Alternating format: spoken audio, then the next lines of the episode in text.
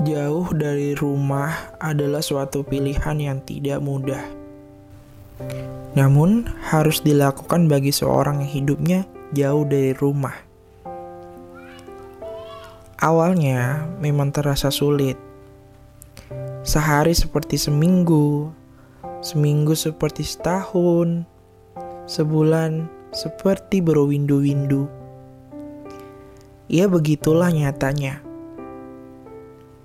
kita tetap saja membutuhkan rumah. Ada beberapa hal yang sangat dirindukan semasa di tanah rantau. Salah satunya merindukan masakan dari seorang ibu.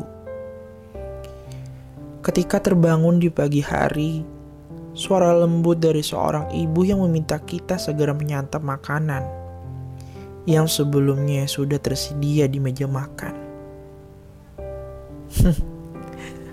Rasanya saya merindukan sekali momen tersebut. Pada saat dunia sedang tidak baik-baik saja, kita hanya bisa menguatkan diri sendiri di tengah sunyinya malam. Atap-atap langit seakan menjadi saksi bisu. Betapa banyak momen haru dan tawa dan pada saat kita sedang tidak berdaya. Terkadang kita dipaksa untuk pandai merawat rindu, pandai menjaga sikap, pandai melantunkan bait-bait doa. Jauh dari rumah mengajarkan kita banyak hal Salah satunya, betapa berharganya momen saat berkumpul bersama keluarga.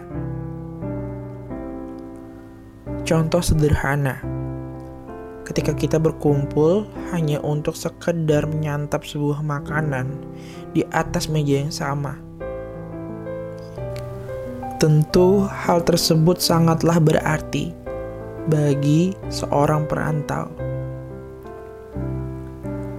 Bagi kamu yang masih bisa merasakan hal tersebut pada saat ini, pesanku hanya satu: jagalah momen itu dengan baik. Berhenti untuk menatap layar genggam ketika saat sedang bersama. Kenapa? Karena kamu akan merindukannya suatu saat nanti. Untuk ibu dan ayah. Bu, maafkan jika anakmu belum bisa menjadi anak yang baik. Ayah, maafkan anakmu yang belum bisa membanggakanmu. Doakan saya agar selalu kuat di tanah rantau ini. Saya tahu akan ada banyak hal yang nantinya saya akan lalui. Saya tidak pernah berhenti untuk meminta kepada Tuhan untuk menjaga kalian, melindungi kalian, menyayangi kalian.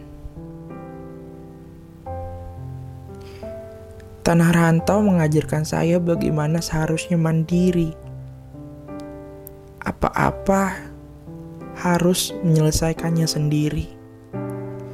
Mulai dari persoalan sosial, finansial, serta hubungan kita terhadap sesama.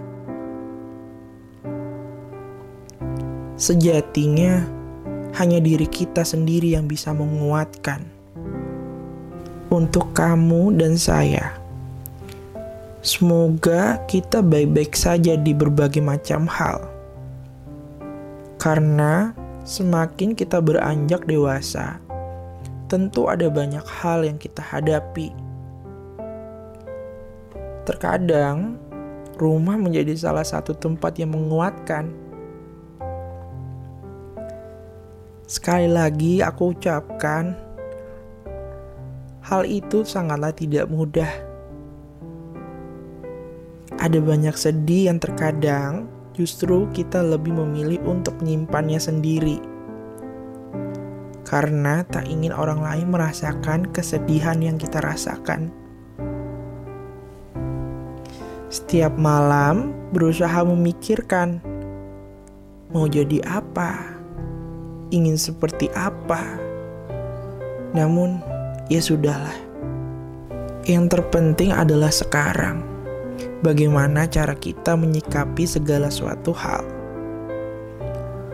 Menjadi seorang perantau, kita hanya membutuhkan tekad yang kuat serta bersabar. Karena saya yakin kamu juga bisa. Semangat ya!